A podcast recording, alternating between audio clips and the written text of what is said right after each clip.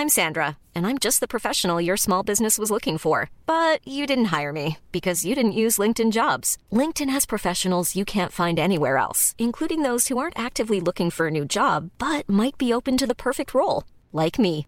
In a given month, over 70% of LinkedIn users don't visit other leading job sites. So if you're not looking on LinkedIn, you'll miss out on great candidates like Sandra. Start hiring professionals like a professional. Post your free job on linkedin.com/people today. It's that time of the year. Your vacation is coming up. You can already hear the beach waves, feel the warm breeze, relax, and think about work.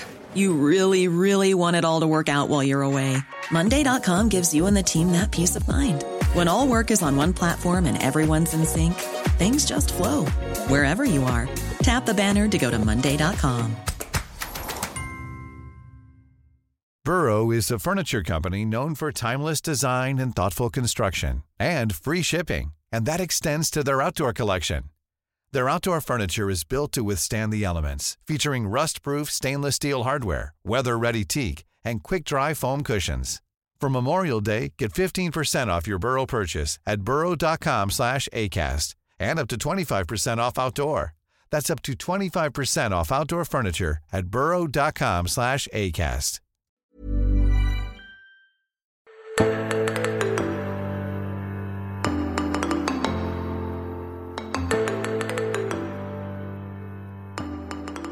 I denne ukens episode av Tore og Tarjei sitter jeg, Tarjei Gilje, i Nidaros bispedømme i et møterom på Scandic Nidelven. Her skal kirkemøtet i Norske kirke begynne om noen få timer. Og rett over bordet sitter kirkerådsleder Kristin Gunnleiksrud Råum. Hjertelig velkommen. Takk skal du ha. Det er kjekt å være tilbake igjen.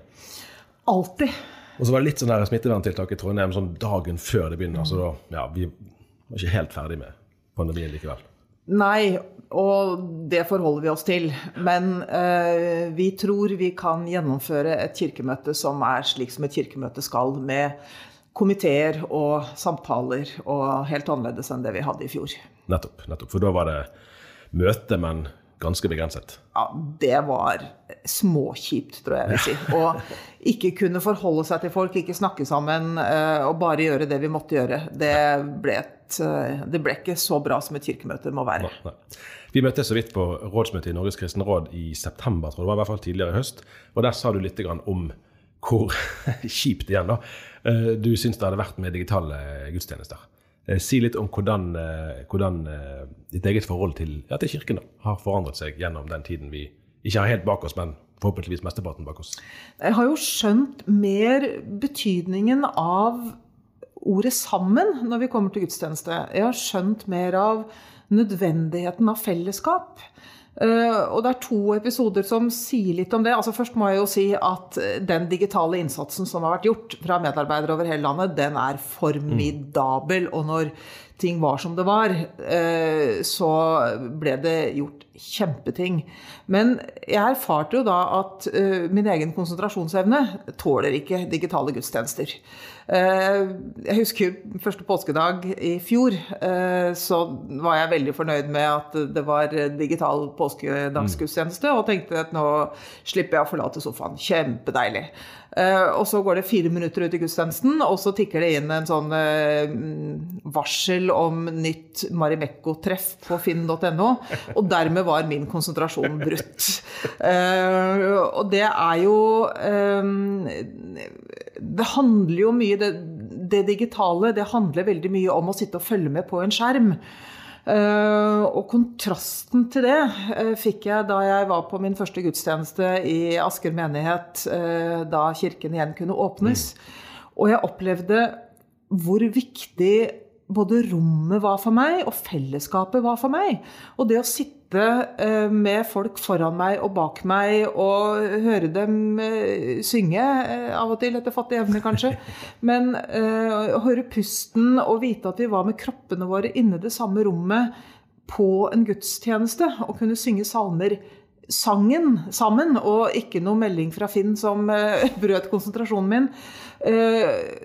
Så jeg fikk jo virkelig erfare hvor tett min tro henger sammen med kirkens rom og det fellesskapet som en gudstjeneste er. Det er kanskje sånn som man kunne si teologisk før, men som man nå liksom har kjent på kroppen. Nettopp. si. Uh, og vi har lært vi har lært veldig mye. Vi trodde at vi var en teknologisk synke. Det har vi bevist at det er vi så definitivt ikke. Eh, Men vi har også lært mye om eh, hva det digitale duger til, og hva det ikke duger til. Og eh, sånn sett så har vi fått økt eh, også vår selvtillit. Altså jeg merker jo måten vi snakker om dette før. Før var det litt sånn å ja, sosiale medier og sånt, og Instagram, det er sikkert veldig fint. Det å, det er så fint med dem som klarer det.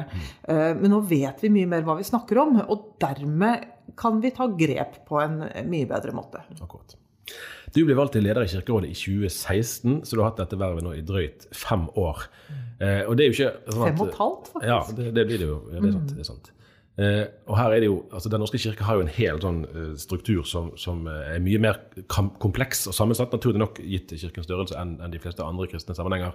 Så bare prøv å si litt om helt sånn konkret hvordan dette vervet preger din hverdag. Du har jo en annen jobb. Ja, jeg er frikjøpt i eh, 50% så jeg er eh, i prinsippet på papiret er jeg 50% generalsekretær i Norske kirkeakademier og 50% kirkerådsleder. Det er jo ikke sånn det funker, da. Men eh, eh, det som jo har endret seg i betydelig grad på disse årene, det er jo den myndigheten og det ansvaret Kirkemøtet, som Den norske kirkes øverste organ, har fått. Eh, Vi har fått mye av det ansvaret og mange av de sakene som før lå til eh, konge, altså regjering og storting. Um, Og nå har alt det, all denne myndigheten som eh, lå inn i statskirken før, den er nå overført eh, mye til Kirkemøtet. Og det medfører jo at eh, ansvaret, saksmengden osv. blir mye større. Nå har vi jo nettopp fått på plass en ny trossamfunnslov, og med den så er det mye som må følges opp av endringer i våre egne regler. Eh, og det medfører jo at eh, dette kirkemøtet er jo så sakstungt Ja, ja. at det er til å miste pusten av. Altså, Ja, for for Kirkemøtet møtes fem dager cirka, da, i, seks dager kanskje, dager, ja. i løpet av et år. Så har du Kirkerådet som møtes jevnlig, og så har du administrasjonen som holder på i, det daglige. Ja. Og du er uh, litt imellom, kanskje, men i og for seg øverst, som den øverste tillitsvalgte. Ja. Eh, Så jeg er valgt, eh, og min myndighet utgår fra Kirkemøtet. Det er de som har valgt meg. eh, Og det er dem jeg svarer til, og de kan kaste meg. Eh, Så Kirkerådet er en slags kirkens regjering Nettopp. som opptrer på Kirkemøtets vegne mellom kirkemøtene. Eh, Og så har vi da en administrasjon som eh, utreder sakene til Kirkerådet. Men det er Kirkerådet som legger frem sakene for Kirkemøtet, og vi står ansvarlig for det vi har lagt frem og de sakene som Kirkemøtet skal behandle. Og så skal vi følge opp de vedtakene som Kirkemøtet fatter. De sier på, på supernettet om Stortinget og regjering at uh, de ser på dette med barna hjemme, at uh, Stortinget bestemmer hva som skal gjøres, og regjeringen bestemmer hvordan det skal gjøres. Og det er kanskje litt parallelt. Ja, det er i hvert fall sånn det nok bør være. Ehm, Vi ehm, må jo jobbe litt med på hvilket nivå skal Kirkemøtet fatte et vedtak? Hvor detaljert skal det være? Fordi eh, det vi må eh, sørge for at blir virkeligheten i større grad enn det er i dag, det er at Kirkemøtet fatter, nettopp som du sier, hva det skal være, eh, og hva som skal gjøres. Eh, mens eh, Kirkerådet, og ikke minst bispedømmerådene, og eh, også fordi vi er et helt trossamfunn, eh, menighetsråd og fellesråd, følger opp hvordan det skal gjøres. Så må vi passe på å ikke fatte for detaljerte vedtak. Eh, fordi at eh, Kirkemøtet består jo av alle bispedømmerådene. Og når de kommer tilbake til bispedømmerådsmøtene, så skal jo de sette vedtakene ut i livet og si hvordan passer det for oss her i vårt bispedømme. Og Et veldig godt eksempel på det er jo den saken vi har nå om strategiplan. Ja. Og den er helt ny i formen. Før så har vi laget strategiplaner som sier, eller ramser opp nærmest, alt vi er for, eh, og alt vi skulle ønske. Eh, Og eh, mye av det får vi ikke gjennomført, og det vet vi. Men vi har laget nå en strategiplan som er mye mer overordnet eh, i formen. Eh, Og så må den da følges opp i hele kirken, hele trossamfunnet Den norske kirke. Eh, Og der er det to hovedområder som eh, er, måtte, sier noe om i hvilken retning vi skal jobbe. Det ene hovedområdet kalles Kirken for den enkelte. At vi skal være noe for hver enkelt. Det er livsløpskirken, det er den som døper og begraver. Det er uh, slekt skal følge slekters gang-kirken. Uh, og det andre hovedområdet, det er kirken i samfunnet. Uh, hva vi skal bidra med i, i samfunnet. og som jeg sier i talen min, som jeg skal holde litt senere i dag, nå røper jeg litt av det, så sier jeg at når vi skal peke på retning for dette, så er utgangspunktet et spørsmål som Jesus stiller av og til. Han mm. sier 'Hva vil du jeg skal gjøre for deg?' Og det spørsmålet er det viktig at Kirken Eh, stiller til den enkelte og inn i samfunnet. Eh, og dermed er det diakonale en veldig viktig del av eh, forståelsen av hva Kirken skal være når vi tenker strategi fremover. Vi skal være noe for den enkelte, vi skal være noe for samfunnet, og vi skal formidle Jesus' spørsmål 'Hva vil du jeg skal gjøre for deg?' Nettopp, nettopp.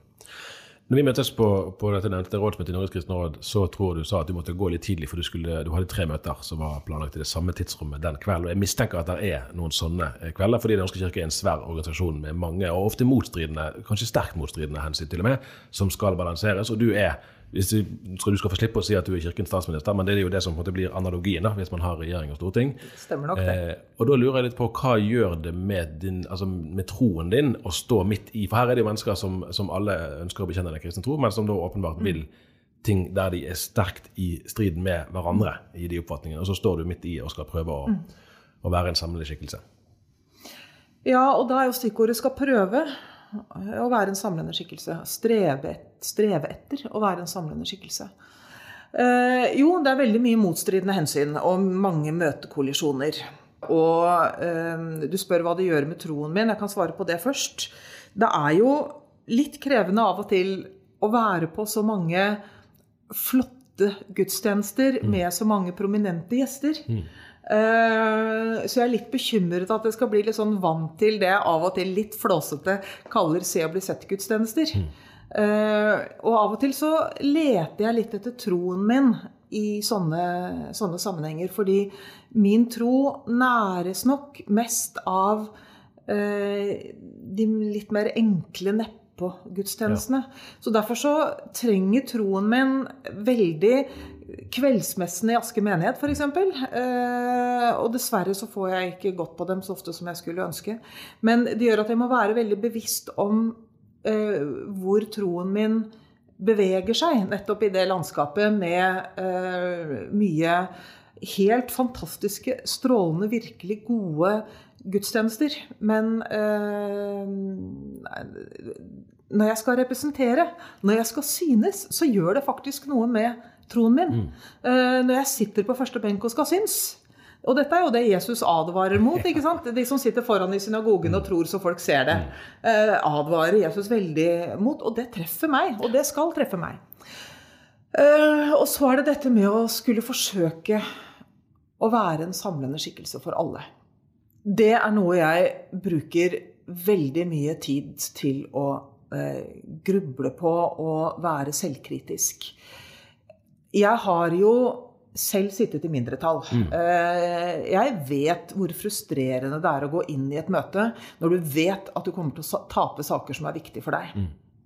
I kirkerådsmøtene så forsøker jeg å være så um, opptatt av å synliggjøre uenighet uh, som jeg bare kan. Det er noen som syns at det blir helt i overkant. Mm. For jeg er sånn av og til overnøye på å si eh, debatten har vist hvor flertallet ligger. Mm. Det betyr du som representerer mindretallet, eh, du kommer til å tape dette. Mm. Jeg sier det ikke hver gang, for jeg har fått litt kjeft for det. Men, men eh, i hvert fall i forrige periode, eh, som var første gang mm. at jeg representerte et flertall, så er jeg veldig nøye på å stille spørsmålet f.eks. når det gjelder voteringsorden. Fordi man kan bruke voteringsorden. Man kan bruke når vi etablerer et møte uh, og sier noe om uh, rekkefølgen på sakene, hvordan vi skal stemme over sakene. Du kan faktisk bruke det på å usynliggjøre uenighet. Uh, og jeg har erfart hvor krevende det er ikke å tape eh, en, en votering, en avstemning, men å bli usynliggjort. Så derfor så eh, er jeg veldig opptatt av å synliggjøre når vi stemmer over sakene, eh, hvor uenigheten ligger. Og eh, derfor så gir jeg adgang til, og det er egentlig ikke helt greit, men sånn at folk skal kunne markere hva de mener. At folk skal kunne stemme imot helheten i en sak, selv om de egentlig bare er uenig i to punkter i vedtaket. Så eh, noe av det viktigste jeg kan forsøke å gjøre, det er å synliggjøre uenighet. Og så eh, prøver jeg så godt jeg kan å lytte bak uenigheten og forsøke å finne ut av hvorfor er denne saken så viktig for deg. Og da strever jeg med at vi ofte har litt dårlig tid i sakene, øh, og at øh, øh, vi ikke alltid har det reflekterende rommet. Uh, og det syns jeg er ganske, ganske, krevende. Og samtidig så ønsker jeg å være tydelig på hvor jeg står. Mm. Jeg tror ikke at man er mer samlende ved å være utydelig. Mm. Uh, jeg tror at man heller da kan tilsløre en uenighet som mm. faktisk er der. Så jeg er opptatt av at vi skal synliggjøre uenighet, og vi skal møte hverandre med respekt. Og vi skal forsøke å finne ut av hvor er den andres smertepunkter. Ja. Når tråkker vi helt over for deg? Hva mm. handler det om? Mm. Og så betyr det ikke at vi alltid kan respektere det, men jeg har et særlig ansvar for å vite hvor disse smertepunktene går, og bruker derfor en del tid på å snakke med dem jeg er uh, uenig med, og forsøke å møte det med så mye respekt som jeg bare klarer å hoste opp. Mm. Og så forventer jeg å bli møtt på samme måte. Og det er ikke alltid det skjer. Nei. Nei, jeg vil komme litt inn på det. Altså, du representerer jo Åpen eh, folkekirke, og din ledertid har vært preget av, av store seire for den gruppen du tilhører. Selv om, som du sjøl sa, det var jo òg en tid før det, mm -hmm. der du, der du eh, erfarte noe annet. Eh, siden jeg kommer fra, fra dagen, så eh, er det kanskje opplagt at, at det kunne være nærliggende å spørre hvordan du tror at dine meningsmotstandere opplever nettopp det å stå, stå overfor Åpen folkekirke.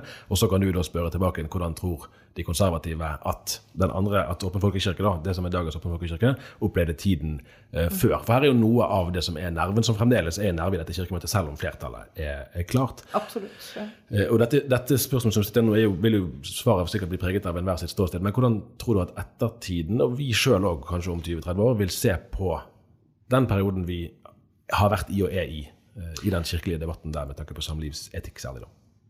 Ja, samlivsetikk og flere andre spørsmål. Jeg tror at mange vil se på dette som en tid der eh, mye endret seg i ledelsen av Kirken. Um, og så spør du hvordan oppfatter dem som er uenige med meg, Åpen folkekirke. Uh, og det syns jeg faktisk er litt vanskelig, for jeg hører jo ofte uh, hvordan Åpen folkekirke vurderes, og jeg tar det veldig, jeg tar det mm. veldig innover meg. Eh, men eh, det jeg ofte får høre, det er at eh, vi er så breiale. Vi tar så mye plass. Mm. Vi tar alle verv. Vi har så stort flertall i Kirkerådet. Og så prøver jeg å svare ja, men det har jo først og fremst med valgordning å mm. gjøre. Fordi vi har jo nå dette blir litt valgteknisk, men eh, vi har nå forholdstallsvalg til Kirkemøtet. Det vil si at den prosentandel av stemmer på de ulike listene, den skal reflekteres i det antall eh, plasser hver liste får i Kirkemøtet. Men til Kirkerådet så er det flertallsvalg fra hvert bispedømme. Mm. Uh, og det medfører at det blir jeg skulle, jeg skulle, egentlig ønske at det var sånn at Kirkerådet reflekterte fordelingen ja. mellom ulike syn. Mm. Men med den valgordningen vi har, og den mener jeg jo på tidspunkt eh, vi må endre Vi forsøkte å gjøre det i fjor, men det var for tidlig. Men, eh, for vi skal, ha, vi skal ha hvert bispedømme representert. Vi skal ha fire prester, en lek tilsatt. Eh, og vi skal ha fordeling på alder og kjønn og så det medfører at å få til en sånn forholdsmessig Eh, representasjon av gruppene, det har vi ikke klart enda, Og det er uheldig. Eh, og Åpen folkekirke ønsker ikke det. Eh, fordi det tjener ikke Kirken. Det tjener ikke Kirken at store grupper eh, ikke opplever seg representert. Det tjener ikke Kirken at eh, uenigheten er såpass skjevt representert i Kirkerådet. Eh, men jeg håper, eh, og det vet jeg at eh, mange med meg jobber folkekirke også håper, at vi skal få en valgordning som er bedre til, til Kirkerådet.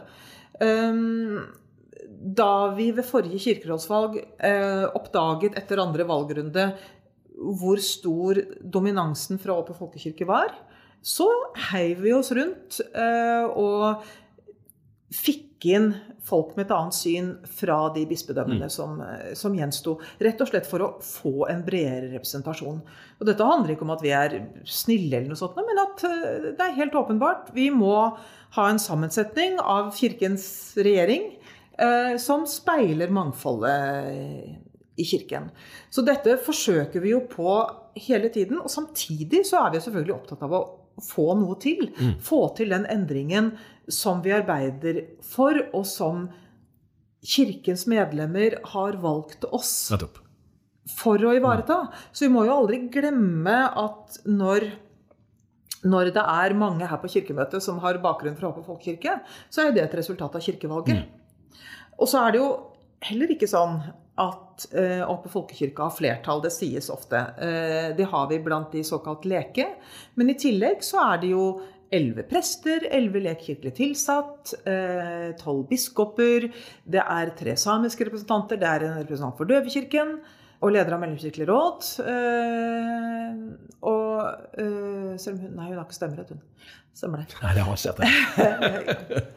Av, og til så, av og til så snubler jeg litt i formalia. Og det er, ja, det er ikke første gang, og det kommer, det kommer til å skje igjen. Men uansett så er det jo ikke slik at Åpen folkekirke har flertall og kan mm. dundre inn uh, sakene. Uh, og vi er jo opptatt av å være oss bevisst hele tiden at vi er kirke. Mm. Og det er noe større som binder oss sammen, alle sammen. Det betyr ikke at uenighet ikke skal komme til syne, men at vi skal vite at det som binder oss sammen som kirke, det er troen på Jesus. Og det er det sakramentale fellesskapet. Eh, samling rundt eh, nattverdsbordet, mm. hvor vi får ta del i Jesu legeme og blod. Det binder oss sammen, og det er alltid, alltid alltid større. Det bare virker ikke sånn. Eh, ofte, og så er det jo ikke så interessant for dere i mediene ja, si ikke det. Eller. Ja. I den eh, talen som du skal holde i, i ettermiddag eller i kveld, så sier du litt om, om Kirken som et sånt samfunnslim. Du bruker et flott uttrykk, syns jeg, at religion var kulturens dypstrukturer. Eh, det var jo et fint uttrykk. Og så snakker du litt om det med flere konkrete eksempler. Eh, men så sier du òg at det er flere både livssynssamfunn, men også flere kirker som kan ha noe av den eh, folkekirkelige rollen i samfunnet. Eh, jeg lurer på, og litt også, Det er jo interessant i og med hvor du, hvor du jobber, da, om det er 50% eller en annen prosentandel av tiden. Hvilket forhold du da har til misjonsorganisasjonene og frikirkeligheten, som jo til dels har nære forbindelser til Den norske kirke, men som på andre områder slett ikke like mye. Dette var et litt nytt felt for meg da jeg ble kirkerådsleder. Eh, jeg har ikke vokst opp eh, på bedehuset. Eh, jeg har ikke noen erfaring med misjonsorganisasjoner. Så dette var et felt jeg måtte bli kjent med Uh, og det som skjedde, det var Jeg ble ganske raskt invitert til Det Norske Misjonsselskap i Stavanger. Mm. Og det var nesten som å bli litt forelska. Mm. Jeg ble i hvert fall veldig betatt av engasjementet og arbeidet. Og jeg har jo lært om betydningen av misjon. Og misjon er blitt sentral i min forståelse av hva det vil si å være kirke. Fordi en kirke som ikke er misjonal, det er en kirke som har nok med seg selv. Mm. En kirke som eh, ikke tenker at eh, vi ikke skal holde evangeliet for oss selv. Og eh, en eh, tidligere en såkalt emeritus, en professor i Det nye testamentet, Halvor Moxnes, mm. han har lært meg at alt Jesus sier og gjør, har en misjonal grunnstruktur fordi Jesus i ett og alt er opptatt av å bryte Guds rike åpent, også for dem som ble holdt utenfor, dem som ikke hørte til. Inn i et samfunn veldig preget av at eh, den som hadde makt, om det var økonomisk eller kulturelt eller religiøst eller eh, eh, politisk, eh, var nær Gud, mens alle andre var fjern fra Gud. Dette bryter Jesus åpent igjen og igjen og igjen. Eh, og det er et uttrykk for nettopp den misjonale kirken. Den kirken som tar på alvor at eh, du kan ikke være kirke uten å tenke at eh, fortellingen om Jesus og evangeliet er noe som ikke skal reserveres noen få, eller dem som kjenner det fra før. Um, så eh, da jeg ble kirkerådsleder, så uh, fikk jeg et veldig godt råd om å ta kontakt med misjonsorganisasjonene og høre om de kunne tenke seg å invitere meg til dem. Uh, og det gjorde jeg. Det var ikke alle som hadde lyst til å møte meg, og det skjønner jeg jo, men veldig mange inviterte meg. Og det var veldig nyttige, gode møter. Eh, Altså jeg møtte jo På et, et av de tidlige møtene så møtte jeg Anne Birgitta Langmoen Kvelland. Ja. Langmoen Kvelland. Eh, og vi Som nå var i Nordmisjonen, som i Ja. Nordmisjonen, takk. Uh, nå er konsentrasjonen min et annet sted.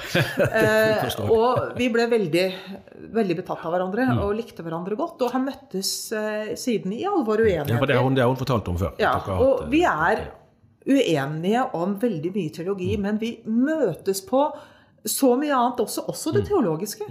Eh, og har drukket flere kopper med kaffe sammen, og jeg setter veldig pris Mm. På henne og opplever henne som en, eh, en veldig respektfull og interessant, reflektert dame Mm. som jeg mer enn gjerne lytter til. Og så er det jo en interessant linje her. fordi at altså Jeg har vært på et par møter i Bjørgvin kirkeakademi. Nå skal jeg ikke skryte på meg veldig mye av det, og det er noen år siden nå, men det er helt sant, jeg har det. Ja, Eh, og, og, og eh, eh, misjon, For én ting er jo de klassiske teologiske stridsspørsmålene. sant? Samlingsetikken, f.eks. kvinnepressspørsmålet litt tidligere. Eh, selv om det har kommet tilbake for så vidt nå. Men, men det er jo òg en sånn kan du si, liturgi, da, eller spiritualitetsspenning, der du snakker om den sakramentale kirken, sant? Som, som har en veldig klangbunn og et dypt fotfeste hos mange, til den mye mer liksom, eksplisitte Vi, snakker, vi har Hauge-jubileum i år. sant? En helt, altså vekkelsestradisjon. da. Eh, ja, hvordan, hvordan, forholder du deg til det? Hvordan ser du på det? Det på måte, der kan det være litt sånn gjensidig allergi, tror jeg, hos Ja. en del. Ja, ja, ja. Eh, Det kan det helt sikkert. Eh, Og, eh, men jeg prøver å både kjenne at det er en tradisjon jeg hører til i. Der min tro for et språk, det er min tro for et uttrykk som, jeg, som eh, gjør at troen min åpner seg for meg. Eh, og så er det andre sammenhenger hvor de ytre formene er fremmed og skaper motstand. Og sånn er det helt sikkert også gjensidig. Eh, men da blir det viktig å forsøke å tenke hva det er og hva det ikke er. For det betyr jo ikke at vi dermed ikke er en del av det samme trosfellesskapet. Men at eh, uttrykk, språk, eh, kan vekke eh, eller lukke eller åpne, alt ettersom, eh, forskjellige ting hos folk. Men at det vi må være, forsøke å være opptatt av, det er at uansett om vi er forskjellige eller føler oss fremmed eh, Det gjelder jo også forhold til salmer, f.eks. Mm, ja. Eh, og jeg, skal ikke, jeg skal ikke være reduksjonistisk og si at dette bare handler om, uh, om ulik smak. For det handler helt åpenbart om veldig mye mer enn det. Og det handler om tradisjoner. Og ikke minst handler det om makt. Uh, når du sier Hauge, så, så er det helt åpenbart at dette har et maktperspektiv som jeg skal være særlig, særlig obs på. Men eh, vi, har, eh, vi har et felles ansvar for å ikke være mer ekskluderende enn vi må. Eh, og så har vi også et ansvar for å ha en språkbruk der ikke folk blir tråkka på. Eh, og, eller opplever at eh, de frakjennes evnen til å tro, eller eh, kjærlighetsevne, eller eh, sånne ting.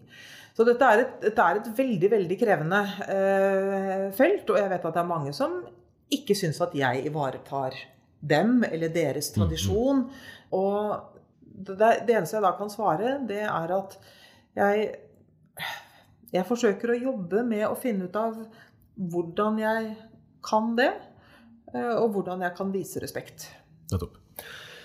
Mot slutten av talen som du skal holde senere, så sier du at eh, vi bedriver verken teologisk linjegymnastikk eller åndelig fast food. Igjen er to herlige, altså herlige herlige, men spennende uttrykk hvert fall, som man fint kunne ha utdypet hver for seg.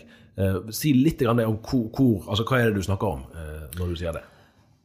Åndelig linjegymnastikk handler nettopp om det at vi trenger ikke Vi trenger ikke ha de samme uttrykksformene, vi trenger ikke ha det samme språket. Vi, trenger, vi skal ikke stå her og bli like i eh, måten vi uttrykker vår tro på. Eh, måten vi ber på, eller eh, lovprisning, eller, eller eh, Vi trenger ikke like de samme salmene. Eh, og vi trenger ikke være opptatt av eller legge tyngdepunktet det samme stedet når vi leser Bibelen. Mm. For det er helt åpenbart. Altså, Bibelen, som jo er en samling tekster med en, enorm bredde i uh, hva Bibelen tar opp Det er helt greit det at vi er opptatt av forskjellige ting. Mm. Uh, så vi skal ikke stå der og uh, gjøre de samme bevegelsene eller si de samme tingene eller synge de samme sangene. Og vi driver heller ikke åndelig fast food. Og med det mener jeg å si at eh, det vi Det troen er opptatt av, og det Jesu evangelium går ut på, det er de dypeste tingene i tilværelsen. Mm. Eh, så derfor så må vi Vi må være en kirke som eh, tydelig uttrykker nettopp at det handler om de dype spørsmålene i livet om, eh, om synd, f.eks. Og jeg, jeg, mener at vi som kirke må snakke mer om synd. Mm. Vi, eh, jeg får jo ofte høre at jeg bare er opptatt av eh, det som klør i øret, mm. eller tidsånden, eller sånne ting. Og det er helt feil. Eh, jeg syns det er vanskelig å snakke om synden. Fordi jeg vet at veldig mye blir misforstått. Men vi, vi må snakke om synd. Vi må snakke om eh, hva det faktisk er, hvordan det slår ut, hva det gjør med oss. Ehm, og vi må, vi må våge å være en kirke som er opptatt av alvoret. Ehm, en annen måte å si det på, det er at en, en kirke kan aldri bedrive tomme kalorier. Det, skal være, det, skal være, næring som man vokser på. Livets vann er det motsatte av tomme kalorier. Ehm, men vi må også ha Våge å rette ryggen og si at vi bidrar med noe grunnleggende viktig inn i menneskers liv. Og da må vi både ha åpenhet for variasjon, og at vi kan stå der og si ting på forskjellige måter. Og være opptatt av ulike sider av Bibelen. Eh, men vi er alle del av Den norske kirke. Og så må vi eh, våge å peke på alvor i tilværelsen og i livet. For vi leker ikke kirke. Det handler om eh, Det er kirke på liv og død. Eh, fordi Jesu budskap er på liv og død. Det er mange flere spørsmål jeg kan tenke meg å stille deg, men jeg tror at vi må si det sånn for denne gang. Eh, takk for at du var med. Godt. Takk for at jeg fikk være med. Dette var jo litt gøy. Ja, men det var kjekt, det. Godt kirkemøte. Takk det samme.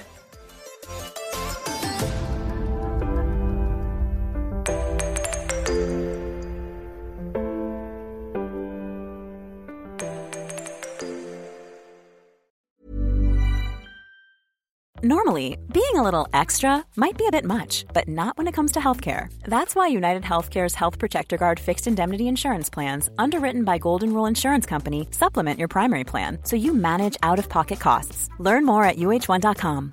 When you make decisions for your company, you look for the no brainers. And if you have a lot of mailing to do, stamps.com is the ultimate no brainer. It streamlines your processes to make your business more efficient, which makes you less busy.